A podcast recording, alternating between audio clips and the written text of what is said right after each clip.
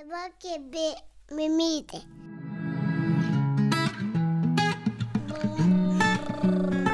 Kabo mamų. Sveika įsijungusi kalba mamos tinklalaidą. Prie mikrofono sveikinuosi aš Marija Keršanskinė. Ir šį kartą įrašinėjau šią įžangą vaikščiodama keliuku prie ežero, tad gali būti, kad mikrofonas pagaus ir vėjo šnarėjimą medžiuose, ir čirpiančius žiogus, ir mano žingsnius per žolę.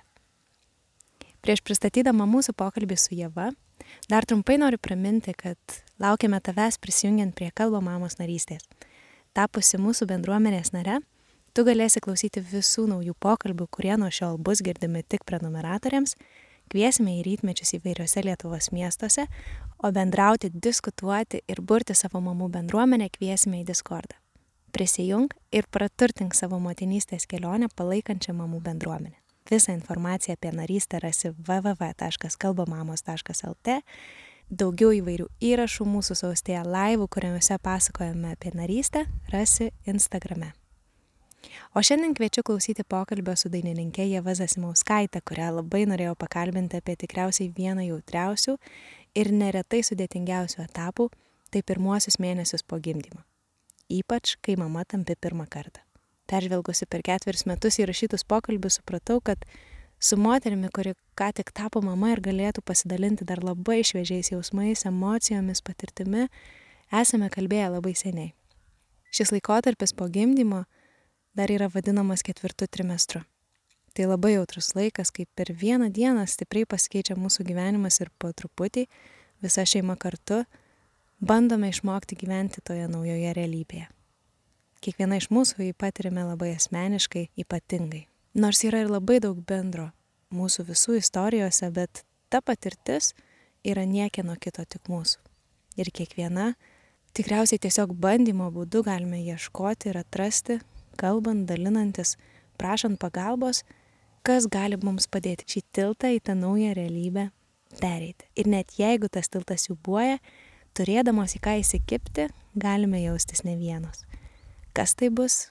Bendruomenė, kitos mamos, vyras, mama, sesuo, draugė priklauso nuo to, ko mums reikia. Ta diena, kai įrašinėjome pokalbį jaukiai susėdę Jėvos mėgamajame, jos dukrytai prieai buvo vos penkios savaitės. Jėva šiame pokalbėje dalinosi apie ruošimąsi tapti mama ir kam visgi niekaip tikriausiai neįmanoma pasiruošti, apie svajonių gimdymo laukimą ir kaip jai pavyko neštumo pabaigoje priimti žinę, kad visgi teks daryti Cezario pjūvio operaciją, kurios ji labai nenorėjo. Apie nerimą, operacijos baimę ir po dešimties metų sugrįžusias panikos atakas. Kalbėjome apie visą tą motinystės pradžios intensyvumą ir didžiulį svorį. Jausmus, kūno ir emocinius iššūkius po Cezario pjūvio operacijos, nežinojimą, ką ir kaip daryti ir mintis, jog visa tai, ką patiriu, yra tiesiog per sunku apie nelengvą žindymo pradžią, nes žindymo varikliukui po Cezario pjūvio operacijos užsikurti neretai prireikia daugiau laiko, kantrybės, pastangų. Ir apie tai, kokia didelė dovana yra mylinti ir rūpestinga bendruomenė, kuri gali mėnesį laiko gaminti ką tik kūdikio susilaukusiai šeimai šiltą naminį maistą. Dar apie baimę ir gėdą kreiptis pagalbos, pasakyti, kad jautiesi labai blogai iš tiesų ir norą, kad tavimi pasirūpintų lyg maža mergaitė, bet ir norą atstumti tą rūpestį, nes nori būti stipri ir pati su viskuo susitvarkyti. Manau, kad šis pokalbis puikiai įsilieja į mamos psichikos sveikatos temą, kurią kalbėti savo bendruomenę kviečiame Liepos mėnesį. Ačiū Jėvai, jog atvėrė namų duris ir širdį, kad šis pokalbis įvyktų. Kviečiu klausyti ir susitikti pokalbėms Kalba Mamos Discordo kanale. Kalbėkime, mamos.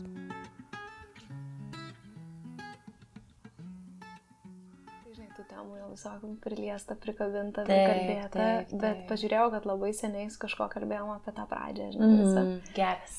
Nu va, Geras. Ir kažkaip, kaip tik liepa va dabar, nes tokia prenumerata, žinai, mm. bet gydytojo psichiatras startuoja, kad taip mamos irgi turėtų va, žmogų, mm. kur paklaus, žinai, pasidalint. Mm tam Discord'e truputį anonimiškiau, žinai. Taip, taip, taip. taip, taip. Ten su nikneimu, ne? Ja, gali, gali būti. Reikės man pasidaryti. Rūtelė 77, žinai, ir tada papas, žinai, apie santykius ir apie...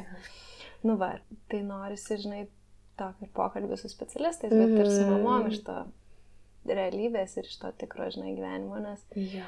tai būna kartais dalinamės, dalinamės, bet viešumoje taip kažkaip, žinai, irgi nesinori nuolat skusti, žinai, Taip, to kasdienybė šiaip su mažais vaikiukais daug yra tokio sizifo darbo, mm -hmm. žinai, kur atrodo, tai niekada nesibaigs. Taip, taip, taip. taip. Nu va, tai mėnesis, ne? Mhm. Jau mėnesis, penkios savaitės, man atrodo, šiandien prasidėjo. Mhm. Ir kai va, tu kalbė apie tą realybę, žinai, tai moteris va, man dabar rašo, sako, kaip ačiū, aš jokiuose vadovėliuose nepriskaičiau, nes iš tikrųjų, kai aš skaitydavau vadovėlius ir kai sakydavo kažkas, kad sunku, mhm. nu, tai man atrodo, nu kas sunku, man po koncerto irgi būna sunku. O ką tai įsivaizduodavai, va, pavyzdžiui? Na, aš įsivaizduodavau, kad kaip po koncertų, nu, būna grįžti antrą naktį, žinai, nepamiegi ir kitą dieną būna labai sunku. Ja, tingis Arba- nieko nenori daryti. Nieko nenori daryti ir nieko negali daryti. Scrollini tiesiog filmą žiūri, serialą žiūri ir man čia yra sunku. Bet žinau, kad, kad tas sunku yra padauginta iš milijono kartų sunku, tai aš, nesuprat, nu, aš nesupratau. Aš net žinau, kad nesupratau niekaip, kai man sakė, kad yra sunku. Ir kai visas sakydavo, nu tu pamatysi, kai turėsi, nes sako, niekaip negalima papasakoti apie tai. Mm. Ir aš galvodavau, nu arba tau nesiseka ir tu kažko nemoki. Nes netgi kai pas kaimynus verkdavo vaikiukas, jie turi dvi metį gal kokį, mm. nežinau, vienas ten vyresnis, yra kitas mažesnis. Aš žinok, tai viduje galvodavau, "Nu, bet o tai tėvai nemoka to vaiko nuraminti. Galėtų truputį labiau pasistengti ir Taip. viskas gautųsi, ne? Taip, ir, ir kažką ten pasako griežčiau ir galvoju, nu, pff, visiškai ir be kantrybės, nu kokie tėvai. Ir žinok, dabar aš atsiprašinėjau jų per tą sieną, žinok, ir galvoju, Dieve, kaip aš jūs suprantu, kaip aš jūs gerbiu, jūs du vaikus turite. Wow. Visiškai. Jūs vau. pasiryžote antram vaikui, ne? Taip, taip nežinau, aš po savaitės sakiau vyrui, sakiau, aš užsirašysiu į sąsiuvinį, kur nors dideliam raidėm neturėti antro vaiko. Taip man buvo. Dabar aš taip nebegalvoju jau, nes jau praėjo penkias savaitės ir atrodo labai mažai praėjo. Labai greit pakeitai nuomonę. ne, dar nenorė, ne, nenorėčiau pastoti. nenorėčiau dar gimdyti. Bet, em, bet pirmos, pirmos keturios savaitės man buvo košmaras, man buvo baisu, man buvo, aš nežinau, aš net negaliu patikėti, kad čia man buvo, nes man atrodo, kad jau čia kitam žmogui tai buvo. Ir man atrodo, mano smegenis nori viską ištrinti ir nieko neatsiminti ir padėti stalčių, kad, nes man atrodo net, kad aš apie tai, kai kalbėsiu arba kai dalinuosi, Atrodo, kad patirsi iš naujo. Mhm, tą- Man atrodo, kad viskas sugrįš ir jeigu tai sugrįš, vis aš neišgyvensiu antrą kartą. Nes kai tu nežinai ir išgyveni, nu tai žinai. Bet kai tu jau žinai, kas laukia, tai tada galvoji, ne, ne, ne, nenoriu. Nu labai baisu buvo, žinai. O kas buvo sunkiausia? Daug nemigos? Kas? Man atrodo, man buvo sunkiausia nuo pat pradžių, nuo to laiko, kada mes atvažiavome į gimdymo namus. Ir mes atvažiavom iš vakarėse, todėl kad man buvo planuotas Cezaris. Kas man buvo jau labai sunku neštum, neštumo metu sužinoti, kad man bus Cezaris, nes aš labai norėjau, aišku, natūraliai gimdyti, labai norėjau pati, labai norėjau patirti sąrėmis, kas man buvo, nu kitos moteris sako, Dieve, man tai tik Cezaris, aš visai nenoriu sąrėm, o man buvo, aš noriu patirti tą jausmą, aš noriu pajausti, kaip ten viskas atsiverinėja. Ten prisižiūrėjus buvau visokių, home, žinai, namų gimdymų, tų visų gražių ir ten, žodžiu, su meditacijom, ten buvau susigalvojusi jau playlistą Spotify, ten su, su visokiom dainom gražiam, su mantrom, su gospelais, su maldom, nu, žodžiu, ten buvau taip susikūrus, bet giliai širdį, nuo pat neštumo pradžios aš tau pasakiau, Jėva, tugi žinai, kad nu, neštumas yra toks dalykas, gimdymas yra toks dalykas, kad tu nieko negali suplanuoti. Ir labai labai stengiuosi neturėti tų lūkesčių tokių, nes aš žinau, kad jeigu aš turėsiu tą lūkestį, kas gyvenime man yra labai, nu, lūkesčiai man tiesiog nepasteisina, nes viskas būna visada kitaip. Ir šitoje vietoje lygiai taip pat buvo. Ir kai aš jau sužinojau, kad man bus Cezaris, man buvo toks, o ne, o, O kada tu sužinojai? Aš sužinojau turbūt 30 kokią, nu, jau iš tikrųjų tai nuo 30 man taip sakė mano gydytoja, kad sako, nu panašu, žinau, kad jinai ir nesivers. Neapsi. Jo, ir jinai tiesiog sėdėjo ir neapsivertė ir jinai sako, bet žinok, vaikelis pats pasirenka, sako, tu nepergyvenk, nes čia sako labai, žinok, Cezaris jau gušės laikai, čia vaikeli labai gerai, tau labai gerai, ta ta ta ta ta. ta. Ir žodžiu, bet man buvo toks, ne, ne, jinai dar apsivers. Bet aš jai sakydavau pilvelį, kad sakau, tu darai kaip tu nori, nes viduje širdį man buvo toksai, kad Piavačkai, bet iš tikrųjų, jeigu taip sudėliota, reiškia, taip turbūt turi būti. Ir tada vande- vandenys pradėjo mažėti, žodžiu, kad ten nebuvo įmanoma jokių ten apsukimai ir ten, nu, rizikinga tie dalykai, tiesiog vandenų mažai. Ir galų galiausiai mm, nuvažiavau į Kauną krikščioniškus gimdymo namus ir tenais dar kartą paklausiu, bet tai gal čia kažkaip dar galima man pagimdyti būtų.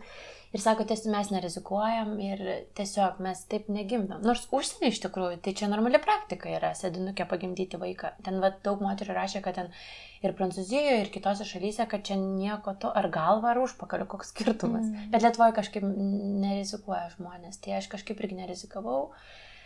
Ir va, Ir iš vakarėse mes atvažiavom ir žinau, kažkaip atvažiavau tos gimdymo namus, atsisėdau tą kambarį ir galvoju, o Dieve, aš nepasiruošus tam gimdymui. Visiškai.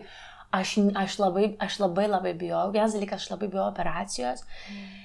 Nes aš esu ten gyvenime turėjus tokią labai nemalonę patirtį su operacijom ir, ir, ir man viskas, žinai, kažkaip sugrįžo. Nu, visas, apskritai, neštume visas baimės grįžta.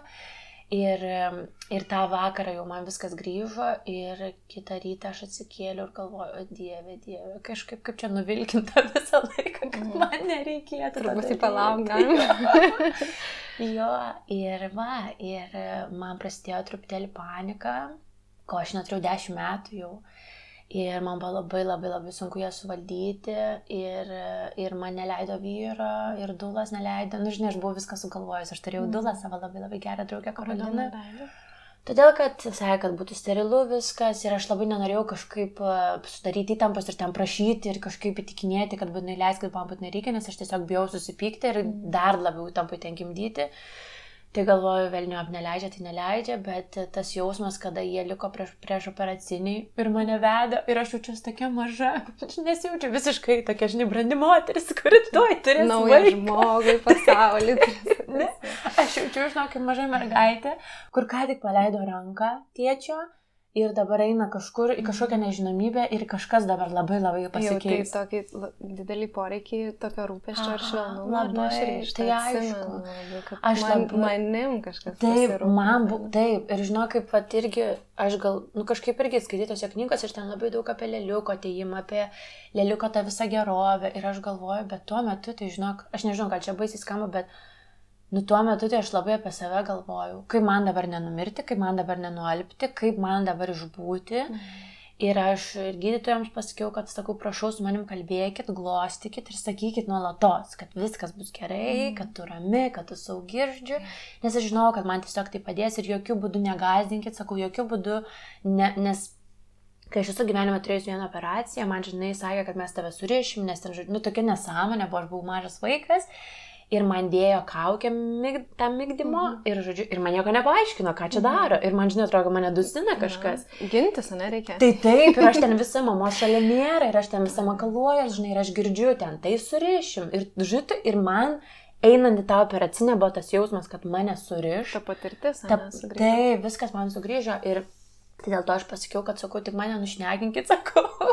Ir taip ir buvo, man le, pradėjo leisti vaistus. Ta, žodžiu, tu pilna narkozė? Ne, ne pilna, tik kad kojas nuimtų, bet čia irgi buvo dar. Dieve, mano, žinok, aš sėdžiu, man visas kūnas kalatojasi, žodžiu, ir irgi eini į tą operacinę. Taigi aš tai nieko nežinau, kaip bus. Aš tai įsivaizduoju, žinai, ateina viena gydytoja prapjauna, išima ir užsiūna greitai.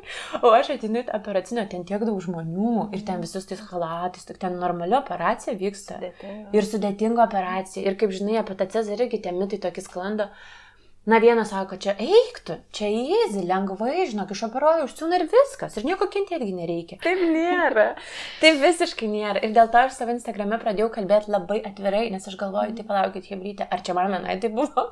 Nes gal, gal man vienai tai buvo, bet aš gavau šimtus laiškų, aš nespėjau tos laiškus atrašyti, mhm. aš gavau šimtus laiškų, kad taip, sveika atvykusi tą pasaulį visą tokį motinystės. Tai žodžiu, tas Cezaris buvo jo, ten nežinau, kiek tų žmonių buvo, kad man pradėjo visas kūnas kalatotis ir Ir žodžiu, aš nežinau, man įsiplėsiu iš tikrųjų apie tą operaciją. Kiek nori, žinai, tiesiog apie tą jausmą. jo, jo, nu, tą patirtis ir tai va. apie tą... Mm -hmm. Nes čia turbūt labai priklauso, žinok, ta vat, gimdymo patirtis labai priklauso, man atrodo, tai visai pradžiai su vaikeliu, todėl kad tau, žinai, po to atsigauti reikia po to, nes ja. tu tiesiog patiri gimdymo traumą, ką aš po to sužinojau kalbėdama su psichologė. Jo, tai kas... moksliniai tyrimai irgi mm -hmm. pasako, kad gimdymo patirtis labai daug Taip. turi įtakos. Jo. Nu, vat, kaip mes pradžioje jaučiamės, kiek mes mes pasitikim savim, mm -hmm. kaip mama, ne, kad aš galiu rūpintis kitų žmogum. Taip. Taip, tai, tai žodžiu, tai grįžtant prie tos operacijos, kažkaip stengiuosi neįsiplėsti, bet neina, nes taip, žinai, viskas prieš tas akis stovi, yra kiekviena detalė man dar stovi. Tai žodžiu, tai aš pradėjau labai drebėti, nu tai žinai, visas kūnas tiesiog, nieko aš negalėjau padaryti, bet jos kaip ir aš paprašiau, taip ir mane ramino, kaip mažą vaikų, tai aš jaučiuosi, žinau, kaip mažytė mergytė, jeigu keturių metukų sėdinti, visą drebanti, drebanti. Ir man pradėjo leisti tos vaistukus ir, žodžiu, ir sako, ar tau suleisti raminamųjų kažkokiu, bet sako, vaikiukui, nu tie raminamieji pateks irgi. Nesakau, neleiskit, sakau, aš išbūsiu. Ir aš, žinok, taip susikaupiau, irgi kaip maži vaikai turbūt susikaupė, mm. taip kumštukus sudėjau ir sleitos vaisius ir man pradėjo tirpinėti kojas. Ir man tas kojų tirpimas visą, žino, kad aš negaliu tų kojų judinti. Įsikandai. Eik, tu kaip įsikandau. Ir aš nebegaliu pabėgti, viskas. Jau aš nebegaliu. Šiaip pabėgtum, bet nebegaliu. ir tas jausmas tų kojų tirpimo visą ir tos tokios, žinai, absoliučios nebekontrolės. Tu nieko nebegali kontroliuoti absoliučiai. Bet man pradėjo glostis, man pradėjo pasakot po kažkokius ten, nežinau, apie muzikos mokyklą, kur ten kažkas kažkur studijavo, žinok, ten kažkokias... Iškalbėjo dantį. Jo, visiškai iškalbėjo dantį, kol aš net nesupratau, kad jau prasidėjo viskas, kad jau mane pjauna, kaip skamba mane pjauna, bet taip ir buvo. Mm. Ir jo, ir sako, ar tu norėsi pamatyti dukrytę? Tai aišku, ne, ne dukrytę, nes mes nežinom lyties iš tikrųjų dar Mhm. iki tol, nes jinai nesirodė. Bet sako, ar tu norėsi pamatyti vaikelį, tai aišku norėsiu, tai man truputėlį, truputėlį pradengė tą visą Mhm. vaizdą. Ir žodžiu, ten, nežinau, kelios minutės buvo, ten taip greit viskas įvyko, kad ją ištraukė ir žinai, kai ją ištraukė, jinai, nu taip virkama, bet jau taip, nu žinai, ne taip, kad, a, Jo, bet jo. taip, Taip, taip. labai mielai. Ir aš ją pamačiau, sakau, mergaitė ir berniukas, sakau, mergaitė. Ir aš pradėjau verkti. Ir tada buvo tas jausmas, žinai, pjaukit tas kojas. Nesvarbu, pjaukit tą kūną, koks skirtumas. Nes tas pirminis jausmas man buvo, man buvo, žinok, aš, ne, tarsi aš negalėjau patikėti, kad jinai tokia didelė. žinai, Ane. kaip tame pilve galėjo jinai ten būti. Ir tada ją man pridėjo labai labai trumpam ir aš tada sakiau, dukrytė, aš to grįšiu, viskas bus gerai ir tu saugi šitam pasaulyje, nes aš, aš skaičiau tokią knygą, kad vaikai iš tikrųjų gimė, jie viską jau, nu žinai, jiems tai yra, jie išlindo ką tik iš tos gimdos į kažkokias šviesas, kažkokias tetos, kurios ten viską matuoja, ten daro, jinai nieko nesupranta. Taip, jai tai viskas yra nauja. Tai aš irgi ją užkalbėjau dantį truputėlį. ir ją išvežė pas vyrą, mane susiuvo, dėja pamačiau ten viską, labai į lempą net čia pažiūrėjau, pamačiau visą tą vaizdą, kuris man irgi dar truputėlį stovi, tas mano visas išpjautas pilvukas. Tada mane nuvežė į tą prieš operacinę palatą, ten prabuvau gal šešias valandas, bandžiau žindyti, niekas, na, aišku, nesigavo. Vie- viena su dukrai? Ne, aš buvau su Dula savo karaliną ir su vyru ir, žodžiu, jo, ir mane pridėjo, tai man buvo, stebu, nu, man buvo stebuklas, man buvo be galo gražu, aš labai norėjau su ja būti, labai norėjau ją šalia turėti. Mm. nieko negalėjau ten per daug padaryti, nei pakelti, nei, nu, iš viso nieko negalėjau padaryti, nes ten kojų dar nejaučiau. Ir, žodžiu, ačiū Dievui, iš tikrųjų dar nieko nejaučiu, nes dar tada ir skausmo nejauti nieko. Ir tada mus paleido į palatą ir, žodžiu, prasidėjo, kada pradėjau jausti skausmą ir supratimą, kad aš nieko nesuprantu. Ir kad, nu, man neįsijungia joks instinktas, kur ten žinai, ką daryti jau. Nu, žinai, kaip būna, sako, kaip pagimdys viską žinosiu, o man buvo toks, aš nieko nesuprantu, žinok. Nu, nieko nesuprantu, absoliučiai. Nei kaip prie krūties pridėti, nei kaip ją laikyti, aš nieko nesupratau absoliučiai. Ir man dar vienintelis, dar dalykas buvo baisus, kad jinai nesupras, kad aš jos mama, nes aš į pampersų negaliu pakeisti. Sauskelnių pakeisti aš jį negaliu. Kad kažkas kitas rūpinasi. Mhm. Nes viską tai darė mano vyras, absoliučiai viską. Čiučiavo ten ją ir, žodžiu, sauskelnes keitė jisai, valė jisai, viską darė jisai. Ir, žinau, aš taip verkiau, nes aš jaučiausi tokia bejėgė. Čia girdėjai pokalbio ištrauką, jei norėtum jį perklausyti visą ir taip pat išgirsti kitų daugybę įvairių pokalbių apie motinystę su mamomis ir su įvairių sričių specialistais, kviečiam tave jungtis prie Kalba Mamos narystės.